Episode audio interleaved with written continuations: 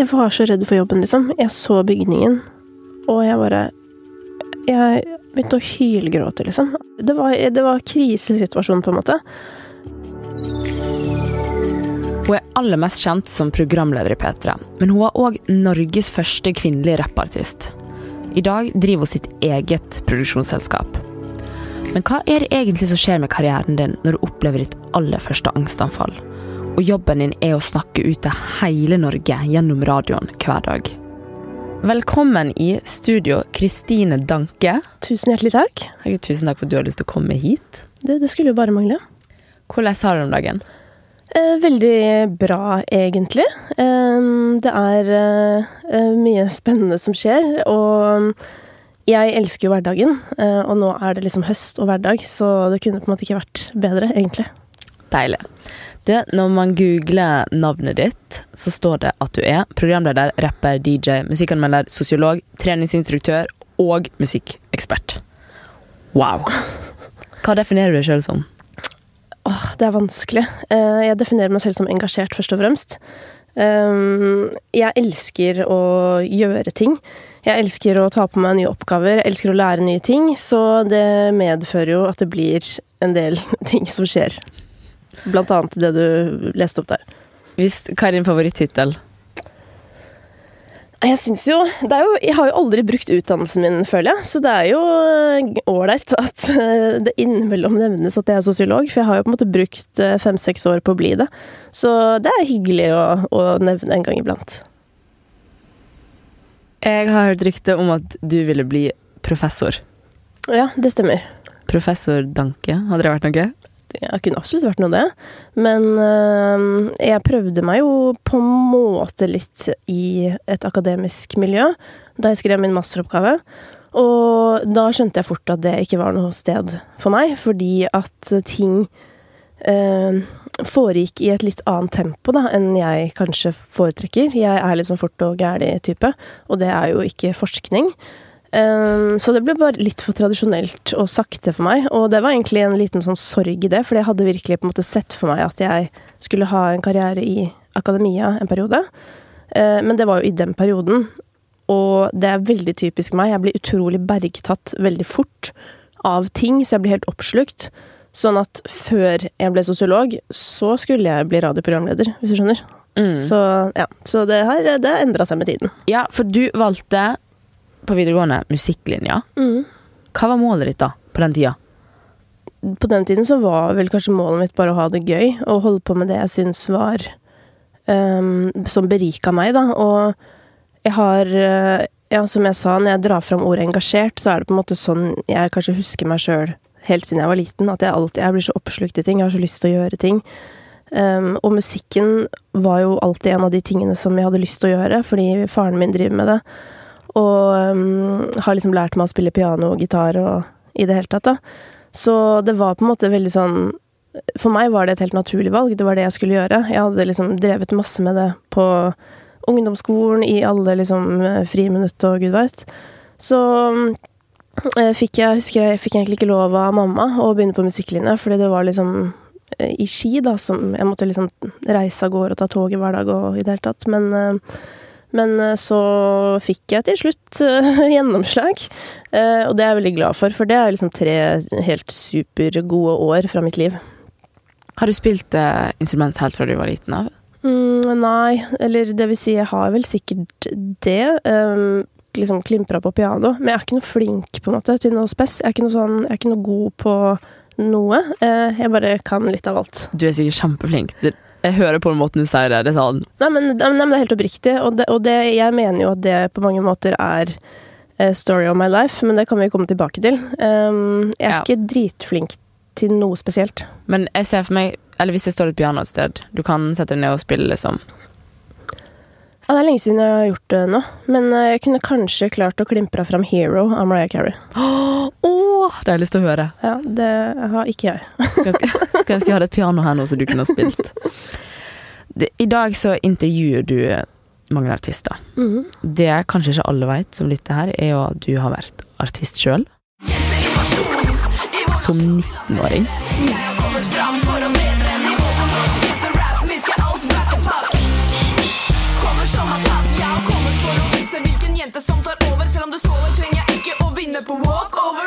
Ja, det var meg. Hva er det vi hører her? Eh, dette her er jo musikk fra mitt første og eneste album, som kom vel ut i 2003. Um, noen har jo hørt at jeg har rappa på en Carpe Diem-remix. Um, uh, og ja, det er jo fordi jeg pleide å gjøre det før. Så det var på en måte ikke et sånn innfall i den forstand, men det var en slags, uh, et slags engangsgjensyn. Jeg syns tittelen er skikkelig kul. 'Jenteinvasjon'. Ja, det var jo um, sikkert et resultat av um, den engasjerte feministen uh, i gamle dager. Som jeg fortsatt er, bare så det er sagt. Samme år som denne låta kom ut, så gir du ut et helt album som heter Knekt. Mm.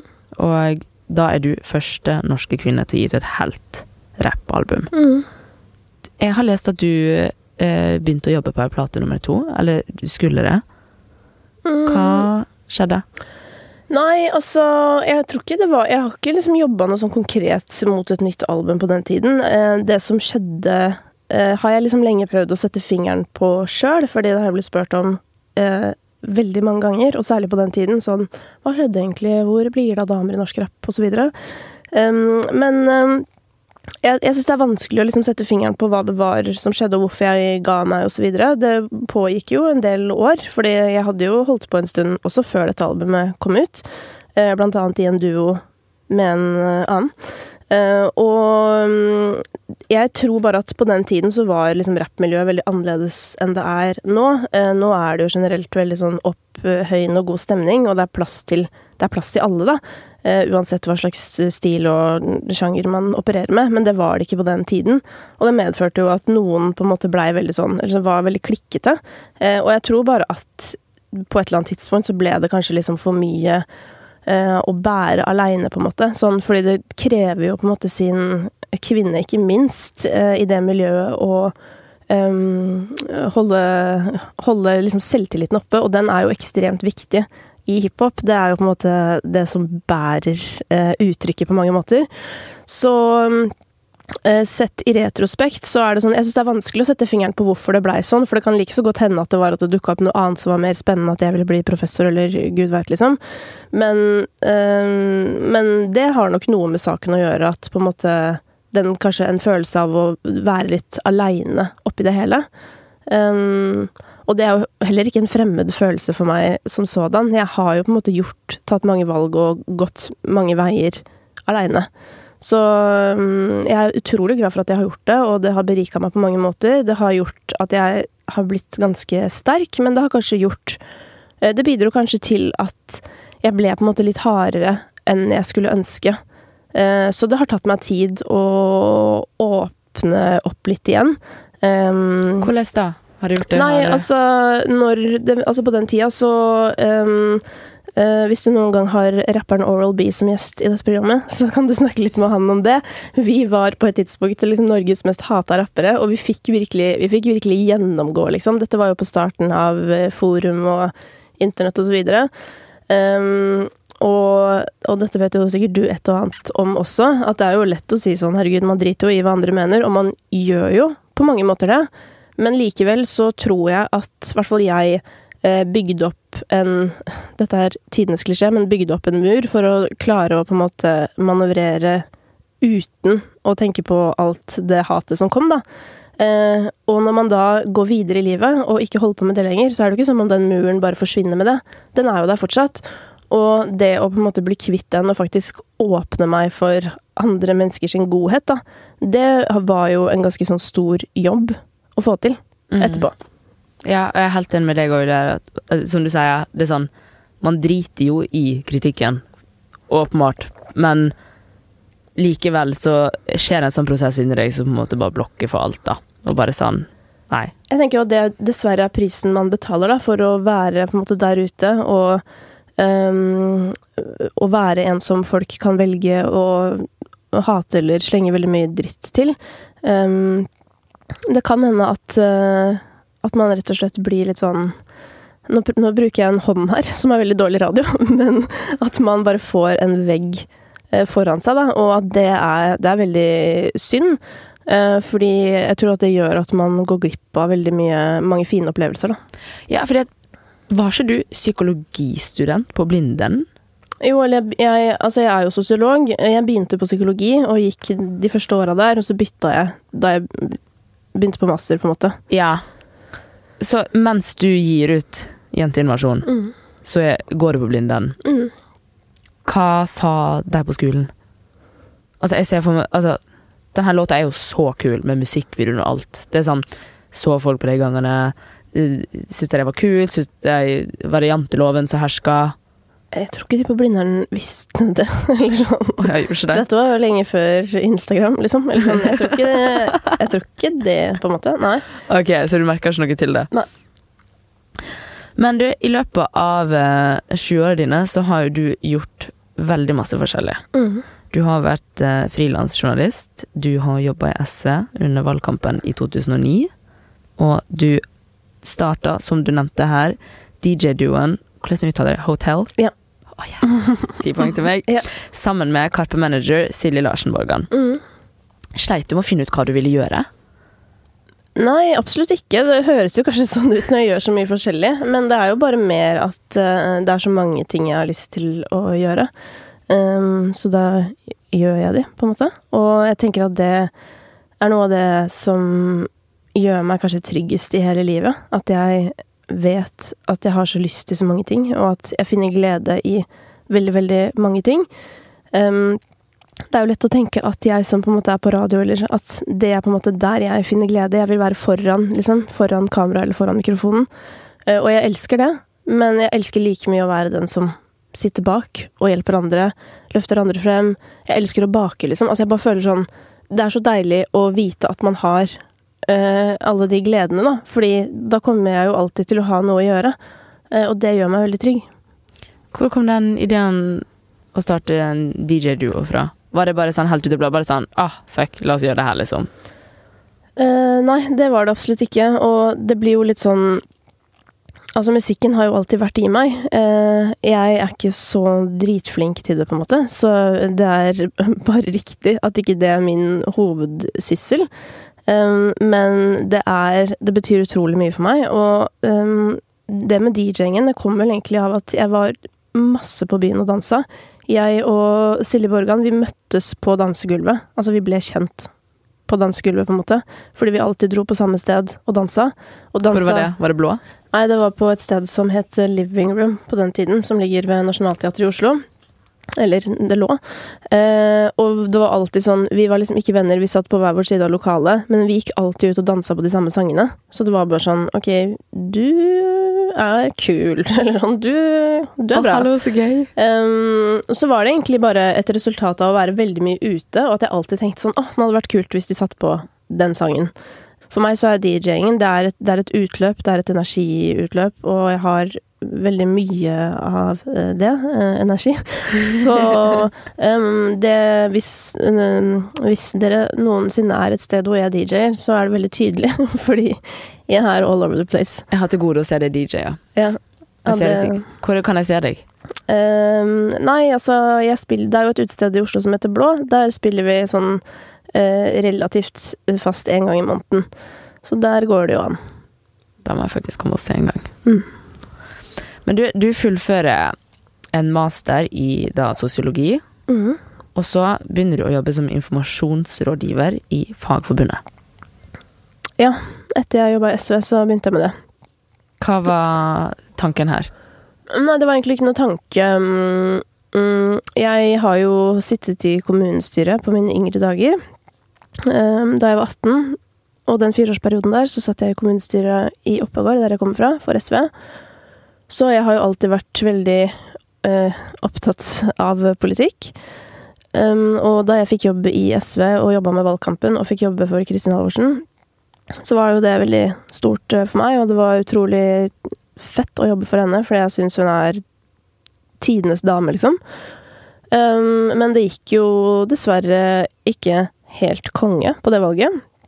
Um, og det er jo sånn at uh, hvis det går dårlig i valg, så mister jo partiene penger. Altså sånn Man får penger etter sånn hvor svære man er, da. Mm. Uh, så da hadde jo ikke de råd til at jeg jobba der mer. Um, og så har jo SV selvfølgelig eh, nær kontakt med fagbevegelsen, så det var noen som da jobbet i Fagforbundet som visste at jeg eh, måtte slutte der, som de på en måte kom og hentet meg til Fagforbundet. Og derfor så jobbet jeg der. Trivdes du? Um, det var um, veldig lærerikt å finne ut hvordan fagbevegelsen fungerer, for det er sånn en verden jeg ikke kjente så veldig til, og en superviktig verden. Uh, men det som var utfordringen, var at uh, dette her var på en tid hvor man måtte fortelle folk at internett var noe. Uh, hvis du skjønner. Ja. som, litt sånn som man måtte fortelle i fjor at podkast er noe.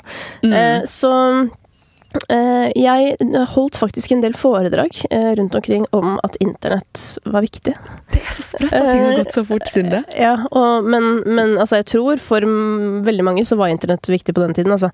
For det er jo ikke så veldig lenge siden. Um, men, um, men det var jo på en måte litt rart, for vi hadde liksom Jeg hadde jobbet i SV, og vi hadde vært veldig sånn forward. Vi hadde laget en eh, kampanjegreie med Kristin Halvorsen som var en sånn video-YouTube-ting som du kunne personalisere og sende til vennene dine.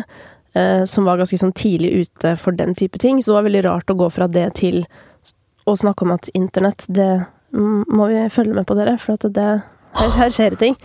Um, så men, men ikke sant. Men det Um, det er jo liksom det som er det fine også med på en måte gamle organisasjoner. Det er jo på en måte at tradisjon og alt det der, og den grasrota alt, hvor viktig og sterkt det er, men at noen ganger så har man kanskje glemt å følge med på internett, da, hvis du skjønner. Men da fikk jeg snakka litt om det. Eh, og så eh, husker jeg veldig godt at eh, det blei en ledig jobb i P3 som musikkprodusent i Trondheim, som det høres jo Det er en litt rar tittel, fordi at det det betyr, er på en måte å være en av de som bestemmer musikken på P3. Og da tenkte jeg sånn Den jobben det, Der må jeg begynne. Nå er det på tide å droppe denne eh, akademia og politikk-greia og gå tilbake til det som jeg Det var vendepunktet. Det var vendepunktet. Ja, for i 2010 så får du og eh, Silje deres eget radioprogram. Først, var ikke det? Jo. Som heter intet annet enn Silje og Kristine. Mm. Silje og Kristine, ikke Kristine og Silje. Silje og Kristine. Ja. Og det, det lurer jeg på, hvordan lander dere den her Um, Hvordan fikk dere til det? altså, nå er jeg usikker på om jeg husker alt riktig, men hvis jeg kjenner meg selv rett, så har jeg jo Eller jeg, vet, jeg har jo søkt på jobb i P3 veldig, veldig mange ganger. Um, og når det kommer til radioprogram, i dette tilfellet et såkalt spesialprogram da, som går på kvelden, og er på en måte eh, hvor de som har programmet, bestemmer musikken selv, typ. Um, det er sånn at man kan sende inn en pilot, da. Og sånn er det jo for så vidt fortsatt. Man kan jo på en måte pitche inn programmer og si sånn Hei, vi har lyst til å lage dette programmet. Mm. Det oppfordrer jeg for så vidt flere til å gjøre. Fordi veldig mange tenker jo at uh, uh, Å, det er så Hvordan skal jeg liksom hvordan skal, noen, hvordan skal jeg få en jobb, eller hvordan kommer man seg dit? Og mange spør jo meg hvordan har jeg fått jobben min, og da må jeg alltid svare. For det første så har jeg søkt på den. Jeg vet ikke hvor mange ganger jeg har søkt på den, og jeg har også søkt på den, vært på intervju og ikke fått den. Mm. Um, og på en måte at jeg har vært på hele tiden, da. Jeg synes det er så viktig at du sier òg. At Ja. folk sitter på en måte og venter på at ting liksom skal komme til det. Men her, dere ser ikke, men det her er en stor tommel opp til det Kristine sier. Ja. Søk. Ja, det også, men også sånn hvis du syns alt du hører på radio er dritt, på en måte, så kan du jo lage noe selv og sende det inn. Eh, og pitche det som en ny Mm. løsning. Det kan man alltid gjøre. Eh, og det føles kanskje som en sjuk ting å gjøre sånn her, herregud, skal jeg bare sende inn at jeg har prøvd å lage noe? Men det er sånn, ja, det skal du. Mm. Men du og Silje, eh, før dere landa det radioprogrammet dere Mm. hadde sammen, var det her en idé dere hadde pitcha inn? Ja, vi sendte inn en pilot, ja. Dere gjorde det? Mm. Og så var det bare thumb up? Um, nei, så det, det startet jo med at en skulle slutte, uh, så det var en åpen spot, på en måte. Så det var vel en slags på en måte pitchekonkurranse, hvor flere sendte inn uh, bidrag. Mm. Mm. Og så eh, videre så blir du musikkprodusent og programleder i Popsalongen på P3. Ja, det var det som var litt merkelig, for at mm, jeg jobbet jo som musikkprodusent da, og, og styra med musikken på P3, og det var jo egentlig det jeg gjorde i ett og et halvt år, men så var jeg innimellom vikar i et program som het Popsalongen, som er um, på en måte det samme programmet jeg har nå. Altså den samme flata, da, som man sier på radiospråket. Det betyr bare egentlig når det går på dagen, da. Så formiddagsprogram. Eller nå har jo det blitt til ettermiddag, faktisk. Eller så er det jeg som kløner med for ettermiddag, fordi yeah. det er så sjukt at det er etter klokka tolv eh, på morgenen. Er ettermiddag etter klokka tolv? Eh, men uansett, så Det er klokka fem for meg, liksom. Ja, det er nettopp det. Nei, men ehm, Nei, så var jeg var bare vikar innimellom i det programmet, så jeg, så, som jeg søkte på for jobb i hele tiden. Og aldri fikk. Men så fikk du den. Ja, ja, det, var ikke, det var jo ikke så enkelt, faktisk. Jeg fikk den jo ikke. Um, så Men det jeg fikk, det var at jeg fikk fast jobb i NRK, som jo veldig mange drømmer om. Ehm, men da bodde jeg i Trondheim, og det orka jeg ikke, så jeg flytta hjem igjen og sa opp jobben. For jeg, jeg orket ikke å jobbe der mer. Eller det vil si, jeg orket jo å jobbe i P3, men jeg orket ikke å være i Trondheim. Okay. Så jeg dro tilbake til Oslo, og da jobba jeg eh, som bookingsjef på Blå i et år. Et utested i Oslo. Var det Var det bare fordi du eh, ikke orka Trondheim, eller var det Hvorfor, liksom Man begynner å lure på hvorfor går du fra fast stilling i NRK til Fordi at eh, det er viktig å ha det bra.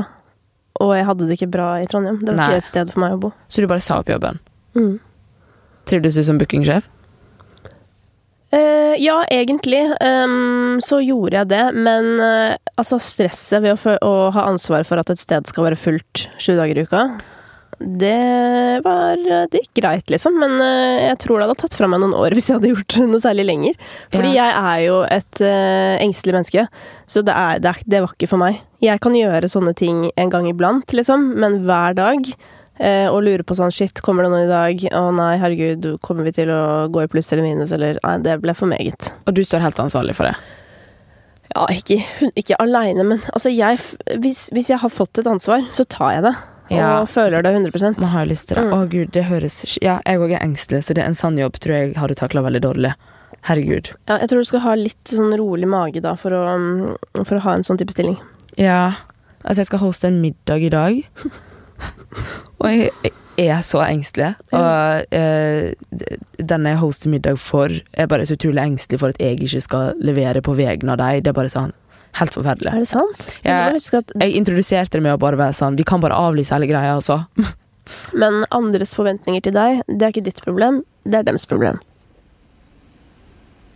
Men ja, eh, du går fra bookingsjef til å lande ditt eget, helt eget radioprogram Mm. i 2013 som heter det vi kjenner i dag, Kristina på P3. Ja. Herregud, hvordan var den følelsen den dagen hadde første sending? Å, Guriland, den øh, husker jeg ikke, men jeg husker at øhm, Jeg husker at da jeg liksom fikk jobben, så jeg, ble jeg helt sånn øh, øh, rar, på en måte. Jeg ble, jeg ble kjempeglad.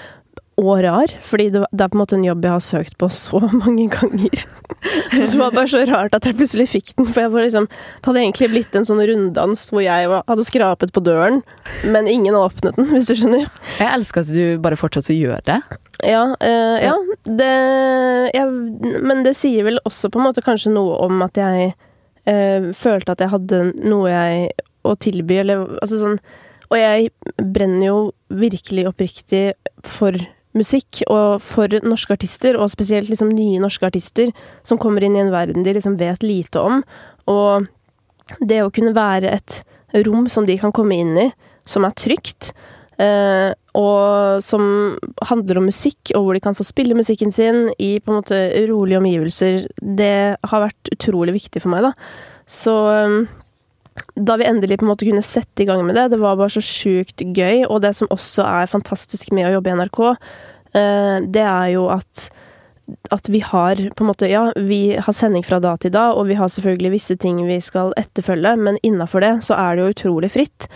Og det er jo på en måte Radio er det perfekte mediet for meg som er så Jeg har bare så lyst til å få ting gjort, da. Og på radio så kan du jo teste hvis jeg har en idé Altså nå er det jo morgen, og etterpå så skal jeg på sending. Og hvis jeg kommer på noe mens jeg sitter her, så kan jeg jo teste det på sending etterpå. Og den følelsen er så utrolig deilig, da. Fordi det, det, det er sånn jeg er, på en måte. Um, og jeg slipper å vente på sånn derre Ja, nei, kanskje vi kan lage noe neste år. Det, det er liksom Det er ikke sånn i det hele tatt. Bare lager noe hele tiden. Og det, det er det jeg elsker med å jobbe med radio. Herregud, det var veldig fint å høre på. Og SoMe, da, for det er også det samme. Altså i sosiale medier. Mm. Um, der går jo også ting veldig, veldig fort, og at man kan ha en idé som kan lages liksom på flekken. Mm. Um, og det er det som driver meg, tror jeg. Men hvordan var det? Fikk du bare beskjeden sånn Ja, du, eh, vi lager radioprogram med Kristine. Hva Heter det Kristine fra start av? Uh, ja, det tror jeg. Ja, det gjorde det. Hvor kult er det ikke å ha et eget radioprogram på NRK P3 med sitt eget navn? Ja, det er veldig kult. Akkurat det med navnet er sånn Det var jo en greie fordi at for eksempel på BBC og sånn, da, som jo P3 sikkert ser mye til, så heter jo ofte programmene navnet til programlederen. Så jeg husker det var en sånn veldig diskusjon. Hva skal det egentlig hete? Jeg elsker at eh, programmer heter navnet til programlederen, eh, men jeg elsker ikke mitt eget navn. Så heldigvis har jeg jingler som sier hva programmet heter. For jeg, jeg syns det er vanskelig å uttale navnet mitt, men vi har jo det samme. Syns ikke du også det? Kristine? Ja. Syns det er vanskelig? Jeg syns det sitter så klumsete og rart i munnen. Jeg liker det ikke så godt. Kristine? Det ser bedre ut på papir enn på lyd. Kan du si det? Kristine. Bare, men det er noe jeg har hengt meg opp i, da. At oh, jeg ja. syns navnet er rart. Så ja. Eh, jeg bare tenker ofte Når jeg sier navnet mitt mange, mange ganger, så syns jeg det blir, det blir et veldig rart navn. Mm. Kristine. Mm. Er litt sjalu på at du har CH, da. Mm. Men det hører man ikke. Kristine. Det kunne vært jeg som hadde radioprogrammet. Ikke sant? Men eh, ja, så du har eh, intro i starten som Eller jingle, som man så fint kaller det. Mm. Som er ferdig innspilt. Ja. Fordi at du Nei, det er ikke, for, det er ikke på grunn av at jeg ikke har lyst til å si mitt eget navn, men, men eh, det er deilig å slippe. Man får jo inntrykk av at du har stålkontroll, og at alt har gått bare fint i NRK. Mm. Men det stemmer jo ikke helt. For vinteren 2016 så opplever du ditt første angstanfall. Mm. Hvor var du da det skjedde? Mm, jeg var i Trondheim, på en restaurant som heter Graffi, og spiste noe som heter grillfest. Eh, som vi alltid, eller ofte pleide å gjøre da vi var der. Mm, jeg var der fordi vi hadde sendinger fra Trondheim Calling, en festival i Trondheim. Um, og så skulle jeg DJ-e på kvelden sammen med en venninne, og så skulle vi ha liksom en middag mellom sending og, og kvelden. Og på den middagen så skjedde det. Hva skjedde? Nei, det, nei, jeg fikk jo da panikkanfall, da. Eh, Det var masse Det, er jo veldig sånn støyete på restauranter. Mm. Og så ble jeg på en måte den støyen uh, veldig sånn ut av meg sjæl-opplevelse. Jeg syns jo støy generelt kan være irriterende, men det var mm, det, det, den vokste veldig sånn i meg, og så klarte jeg liksom ikke å sitte på stolen, følte jeg. Um, nå kan jeg jo så mye om angst. Ja. Så nå er det sånn uh, Alt jeg følte da Eller jeg vet jo, jeg hadde jo aldri falt av stolen, sånn som jeg trodde.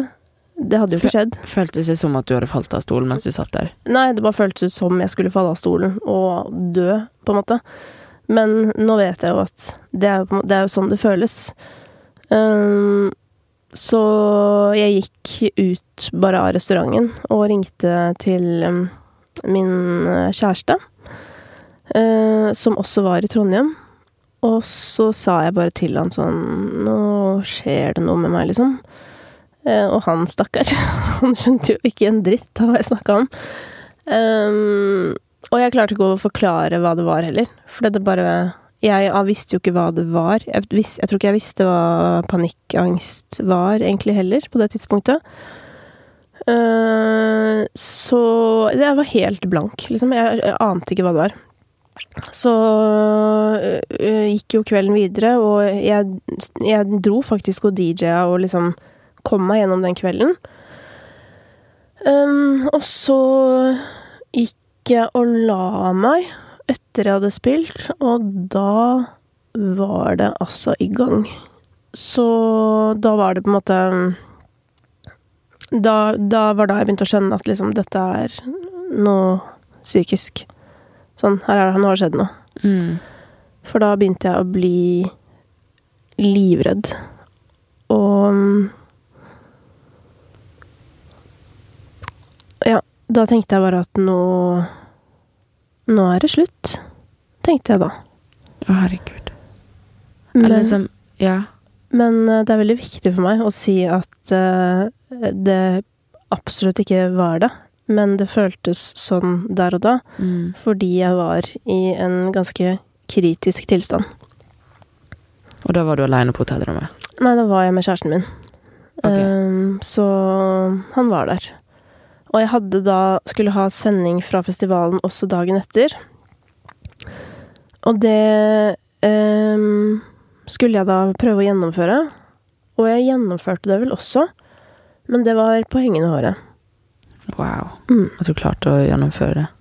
Ja, det var jo på en måte ikke noe poeng i seg selv å gjennomføre heller for enhver pris, og det er sånn sett Altså, i ettertid, jeg vet ikke skulle, om jeg skulle gjort det, skulle man ikke gjort det, altså, jeg veit ikke, fordi problemet var jo at på det tidspunktet her Jeg, jeg følte på meg sånn Shit, dette må være noe psykisk.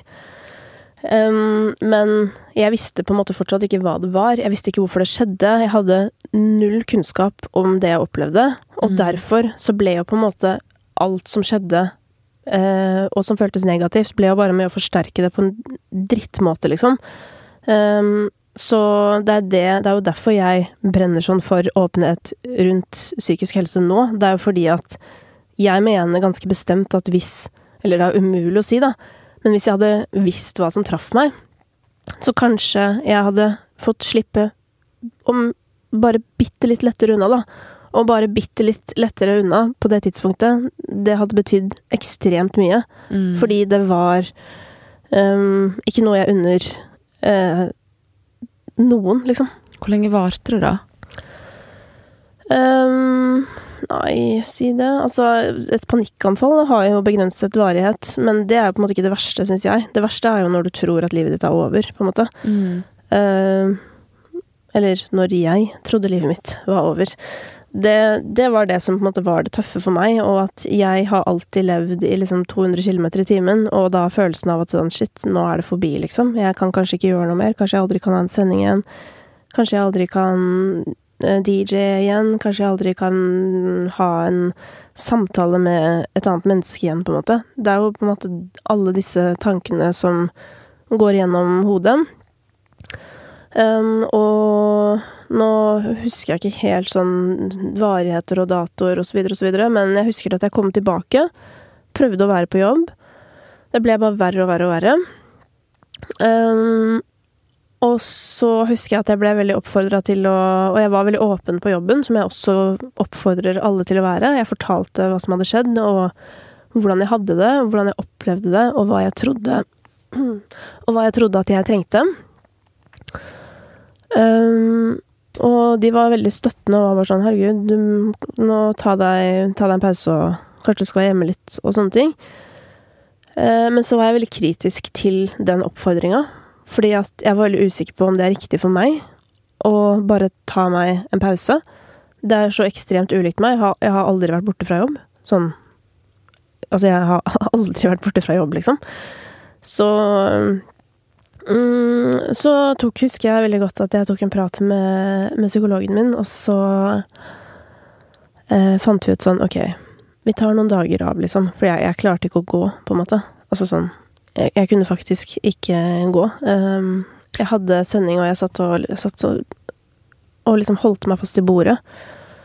Uh, hele tiden. Hvordan var det å komme på jobb da, og med den jobben du har der du skal snakke live ut til folk hver dag, når du liksom Ja, det var, det var jo helt krise, selvfølgelig. Så øh, Ja, det var Det var ikke verrende. Men øh, Og du må jo bare late som at alt er fint. Det er ikke sånn 'Hei, god dag. I dag er jeg utafor kroppen min, men her er jeg', liksom. Ja, det som er, er jo at eh, programmet mitt handler jo ikke om meg. Um, og det syns jeg faktisk Det er sånn jeg syns er litt viktig å si, da, fordi mm, Kanskje ikke i akkurat denne sammenhengen, men bare sånn generelt. Programmet mitt handler jo om at jeg skal løfte frem andre, hvis. Så det er jo på en måte egentlig litt irrelevant hvordan øh, hvordan det går med meg oppi det hele. Men øh, når det er sagt, så Selvfølgelig var det veldig spesielt, for det var jo sånn hver gang en sang nærma seg slutten og jeg skulle på, så visste jeg jo ikke om jeg kom til å klare å snakke. Mm, men, men selve sendingen gikk liksom greit, på en måte. Um, for det er jo sånn at når det har gått bra tre ganger, så begynner du jo å få trua på at det går fjerde gangen. ikke sant? Mm. Men problemet var liksom når jeg skulle reise meg opp og gå Jeg kunne ikke gå i kantinen, for eksempel. Altså, nå er det 2019, og i år begynte jeg å gå i kantinen, på en måte. Fordi jeg har slitt sånn med den kantinen av en eller annen grunn. Men Hvorfor det? Nei, fordi den det, bare, det er jo Altså, jeg tror bare det er rent fysisk at den sitter som et minne i amygdala, da, som det heter, som er fryktsenter i hjernen. Eh, og jeg har hatt veldig sterke liksom, følelser knytta til den, fordi at det er et sted jeg ikke har klart å gå til. Det å på en måte gå til kantinen var noe av det som um, trigga meg på en eller annen måte, da. Er det fordi at det er masse folk der, eller fordi Ja, det er, er det er masse folk og støy, og så var det vanskelig å gå. Altså, jeg måtte gå, og jeg hadde liksom en hånd i hver på hver side av veggen når jeg gikk. Jeg klarte ikke å holde balansen. Så ja, det var um, Fordi at angsten satte seg fysisk òg. mm. Så ja, men øh, det medførte da i hvert fall som sagt en liten enighet om å bli hjemme noen dager og teste det. Uh, og det ble åtte dager.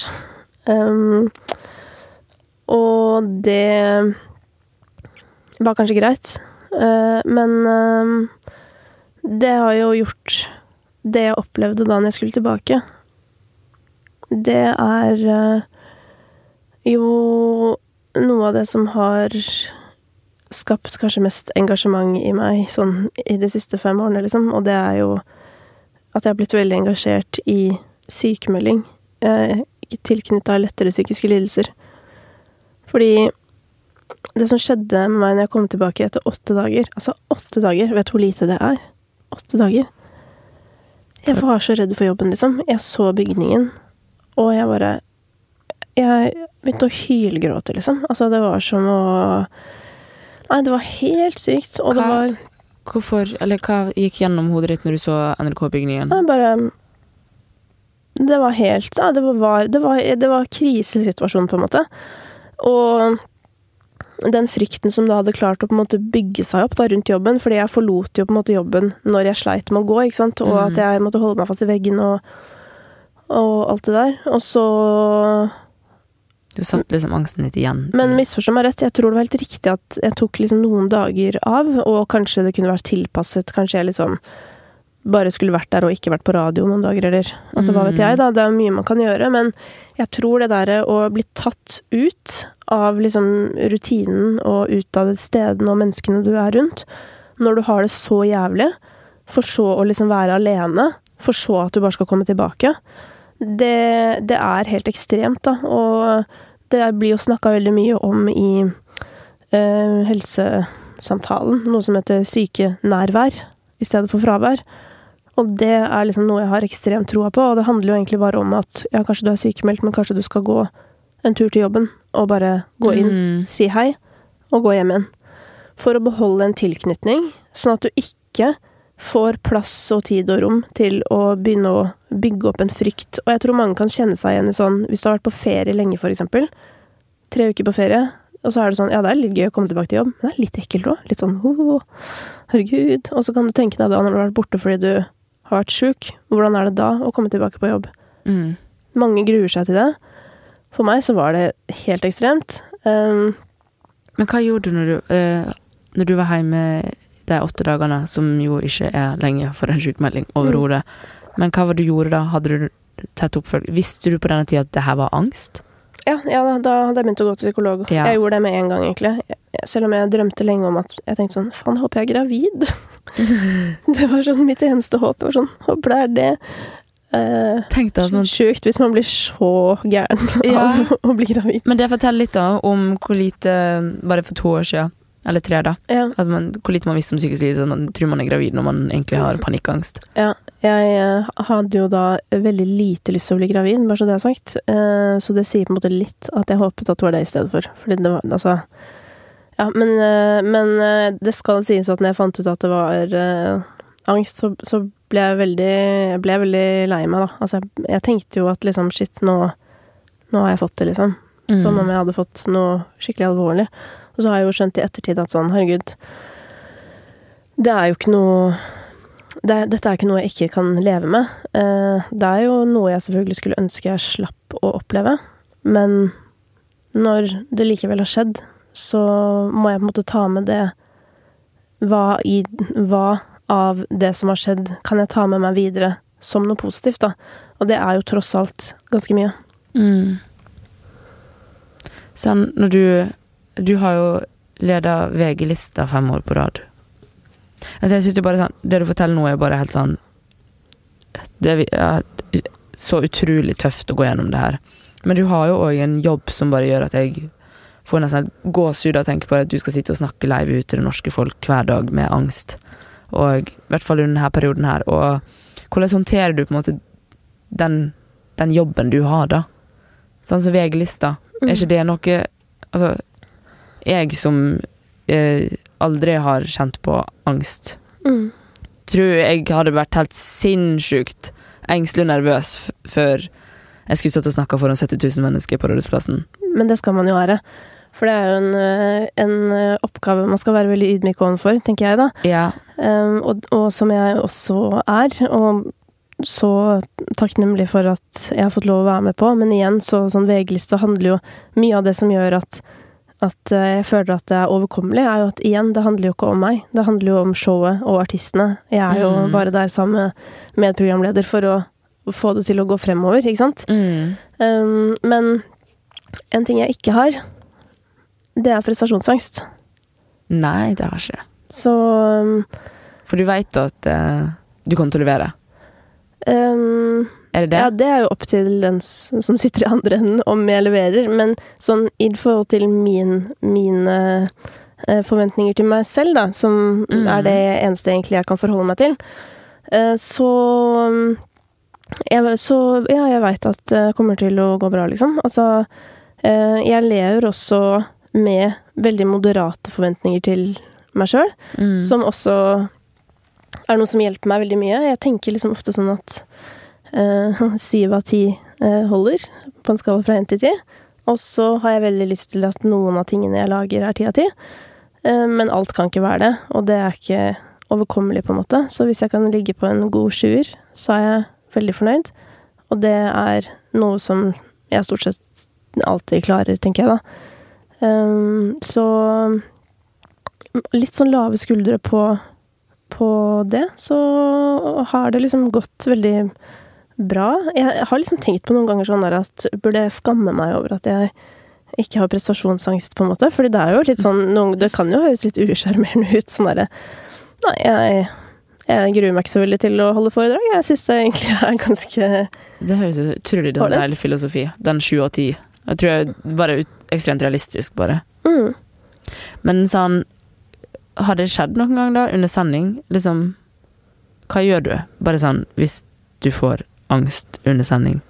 Mm, nei, altså, da jeg kom tilbake på jobb etter mine åtte dager i sykemelding, så var det faktisk um, Da hadde jeg sending uh, fra Oslo sentrum i forbindelse med en festival som heter Bylarm.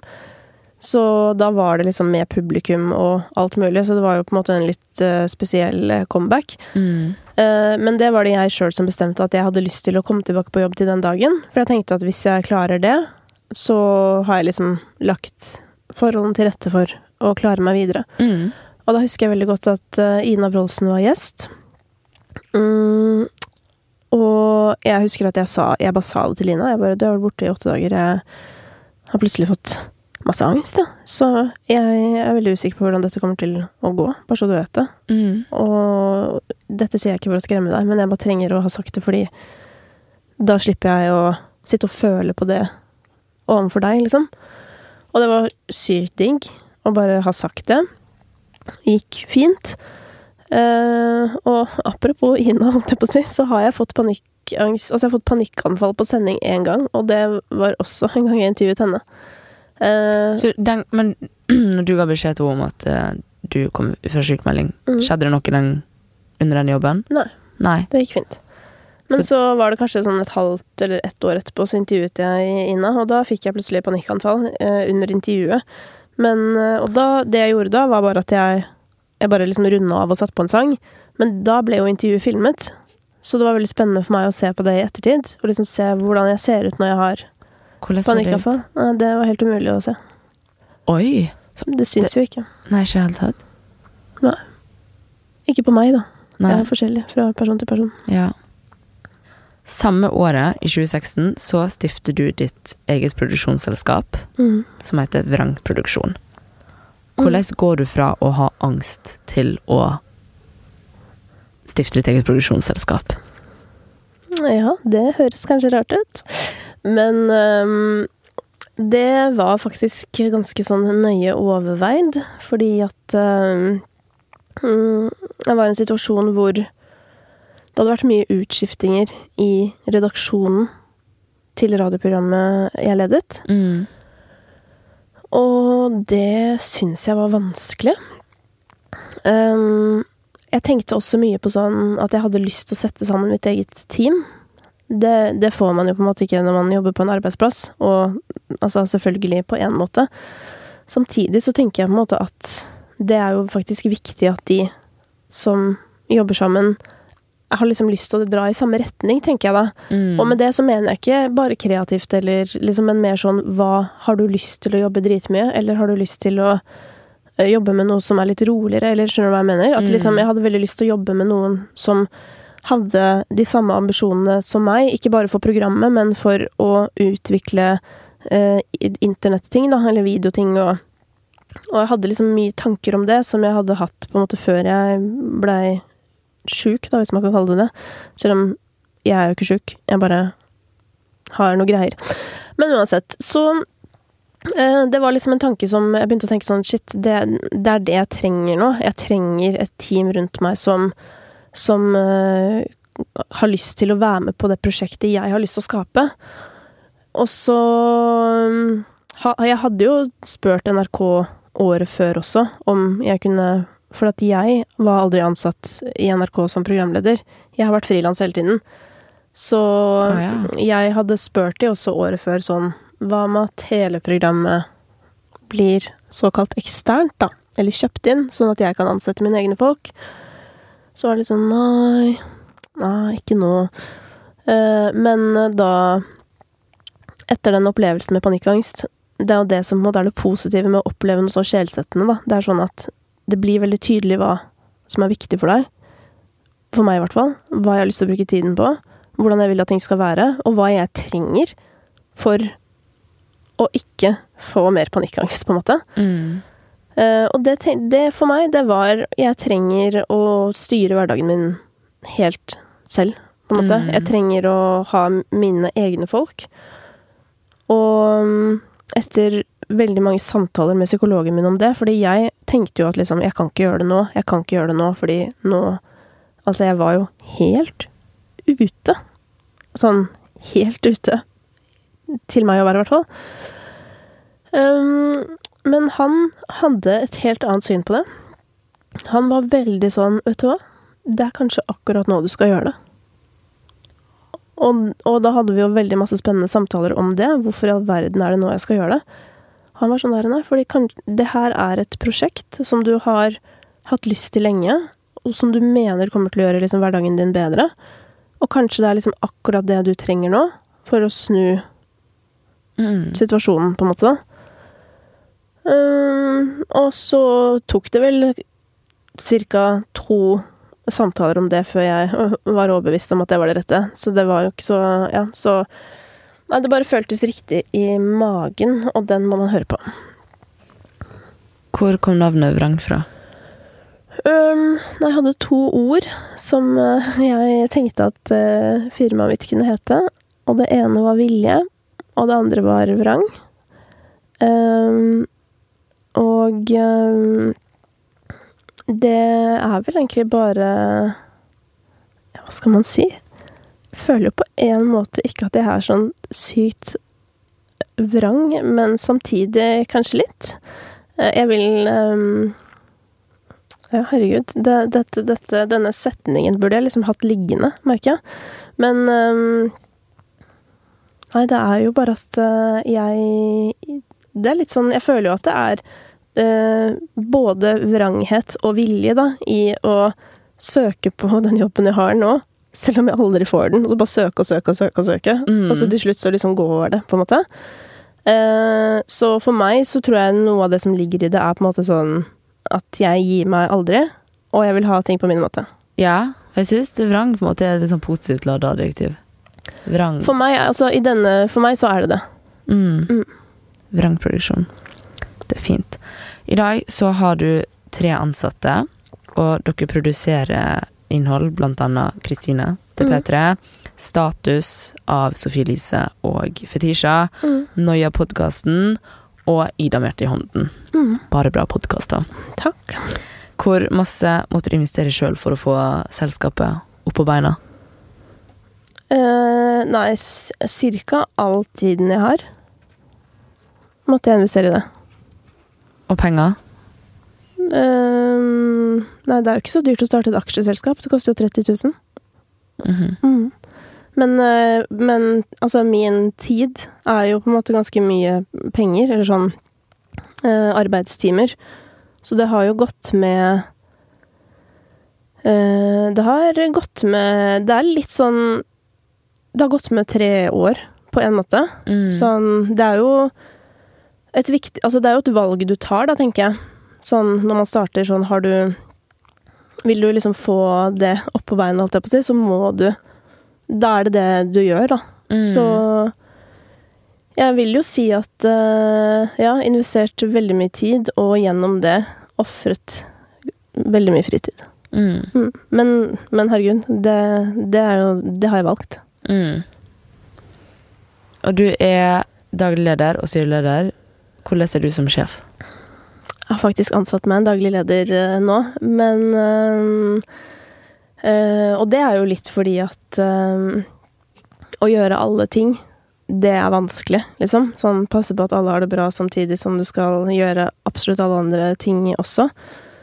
Så Men eh, jeg føler jo selvfølgelig fortsatt et slags lederansvar som eier, og jeg er veldig jeg, jeg er ikke så god leder, for at jeg er Altså, jeg er for følsom, hvis du skjønner. Altså sånn, jeg er, blir for investert. Um, så jeg vet at sånn Jeg kunne aldri vært leder i et stort firma, på en måte. For at jeg hadde ikke takla det. For jeg blir helt uh, Jeg blir så overveldet av å, å passe på at alle skal ha det bra. Mm. Så da hadde det blitt veldig lite jobbing, og veldig mye hele tiden gå rundt og tenke på sånn Shit, hvordan går det med det, og hvordan er han det nå? Så jeg, jeg er nok um, Jeg grubler på en måte egentlig altfor mye til i det hele tatt eie et firma, hvis du skjønner. Uh, Så det koster Det koster nok litt uh, Jeg tror det kan koste litt ekstra for folk som er sånn som meg, da, som er, er engstelige og, og grubler mye. Det er jo et rart valg å ta på en måte. Mm. Men i den andre enden så er jeg jo Jeg elsker å skape, så da er det jo det perfekte utgangspunkt. Mm. Men uh, Ja, nei, så Men jeg er jo en slags Altså, jeg er på en måte en slags leder i Kristine på P3, da. Mm. Så der er jeg jo sikkert uh, det, Dette vet jo de bedre enn meg, men uh, jeg ser for meg at jeg er en blanding av tydelig um, Veldig mye sånn engasjert hele tiden, kaster en idé over bordet. Øh, når de egentlig sitter og jobber med noe helt annet. Eh, og eh, så er det jo det at jeg er ekstremt opptatt av at alle skal ha det bra. Mm. Mm. Jeg stilte din kollega Elise Vatsvåg om samme spørsmålet. Hvordan du er som sjef. La oss høre. Kristine er en type sjef som er veldig ambisiøs. Hun har lyst til å få til masse og har en stor arbeidskapasitet. Og det gjør at hun òg har høye forventninger til sine ansatte. Og så er hun i tillegg utrolig dyktig på det hun gjør, og har en kreativ kompetanse som òg gjør henne til en veldig inspirerende sjef og kollega. Det er koselig. Ja, det var hyggelig. Hvordan er det å ha ansvar Eller hvordan har det vært å ha, ha, å ha hatt ansvar for et helt produksjonsselskap alene? Er ikke det vanvittig skremmende? Vi, vi er jo ganske få, da, bare så det er sagt. Men um, det som er på en måte skummelt med å drive firma, er jo at du bærer jo på masse risiko. Jeg bærer jo på en måte på um, Jeg tenker liksom på sånn Jeg har ansvar for økonomien til andre mennesker, hvis du skjønner. Mm. Og det er jo noe man legger seg med hver kveld. Men øhm, samtidig så på liksom ikke-engstelige dager, så er jo det helt sinnssykt rått, ikke sant? Bare sånn shit. Jeg har ansatte, eller sånn vi ser på hva vi skaper sammen, og eh, Elise, som vi nettopp hørte, som er min daglige leder, liksom, bare sånn Noen ganger så må jeg bare sende en melding og si sånn her, herregud, tenk at dette er jobben vår. Um, og det er jo For det, det er jo sånn jeg tenker noen ganger. At jeg jobber bare med ting som er gøy, på en måte. Selvfølgelig. Det er jo oppgaver som må gjøres som er helt medium, men sånn i det store og det hele, da. Så er det jo et stort privilegium å kunne jobbe med det vi gjør. Tapte du eller tjente du penger på å gå fra å være lønna i NRK til å ha eget selskap? Uh, på bunnlinja så tjente jeg penger, men uh, hvis du regner det opp mot hvor mange timer jeg jobber i året, så er jeg veldig usikker. Hva tjener du? Uh, jeg tjener det samme som jeg gjorde da jeg jobbet i NRK. Jeg er ansatt i eget selskap. Mm -hmm.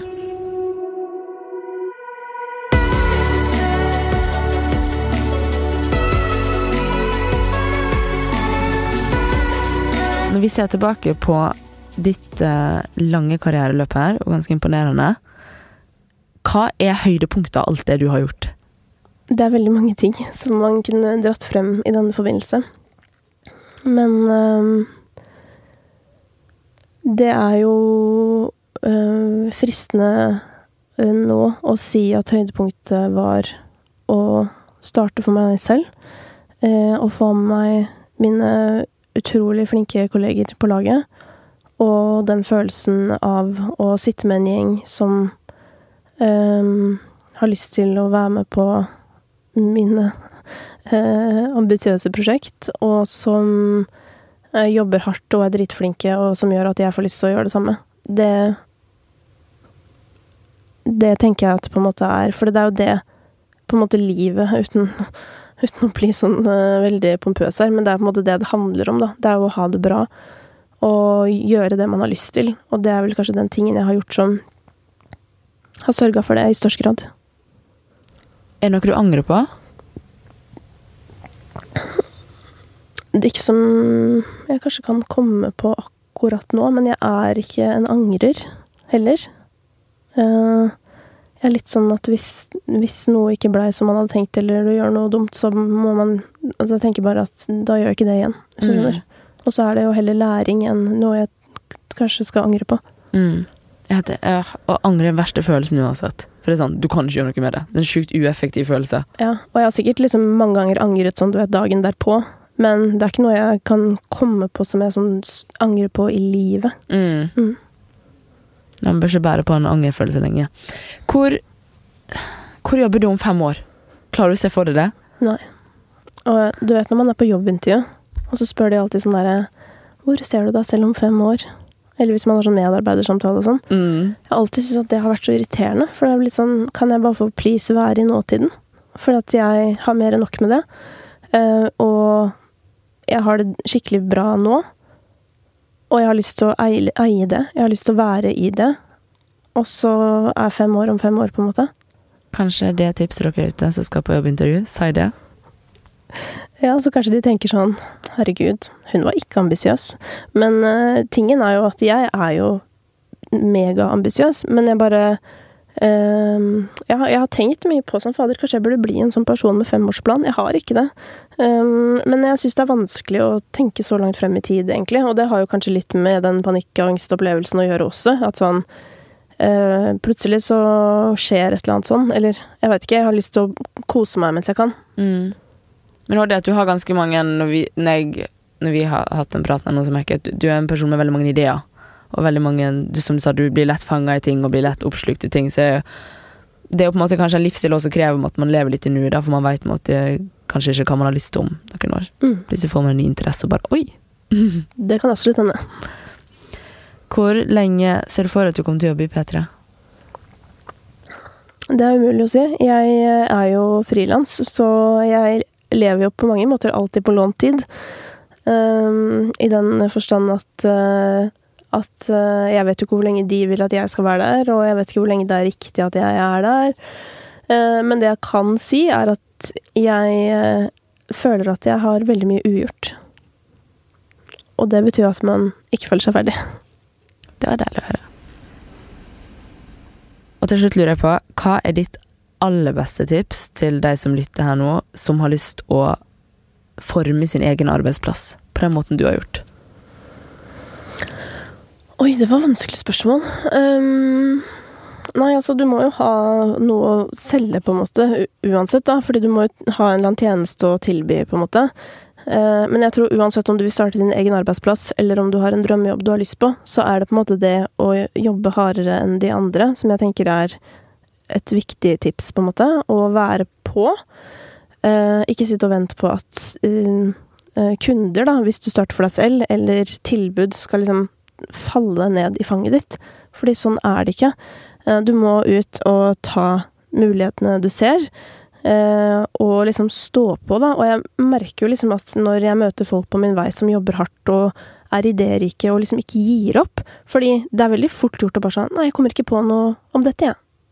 Mm. Og så sånn, altså bare gir seg. Det er sånn Nei, det er ikke et svar, liksom.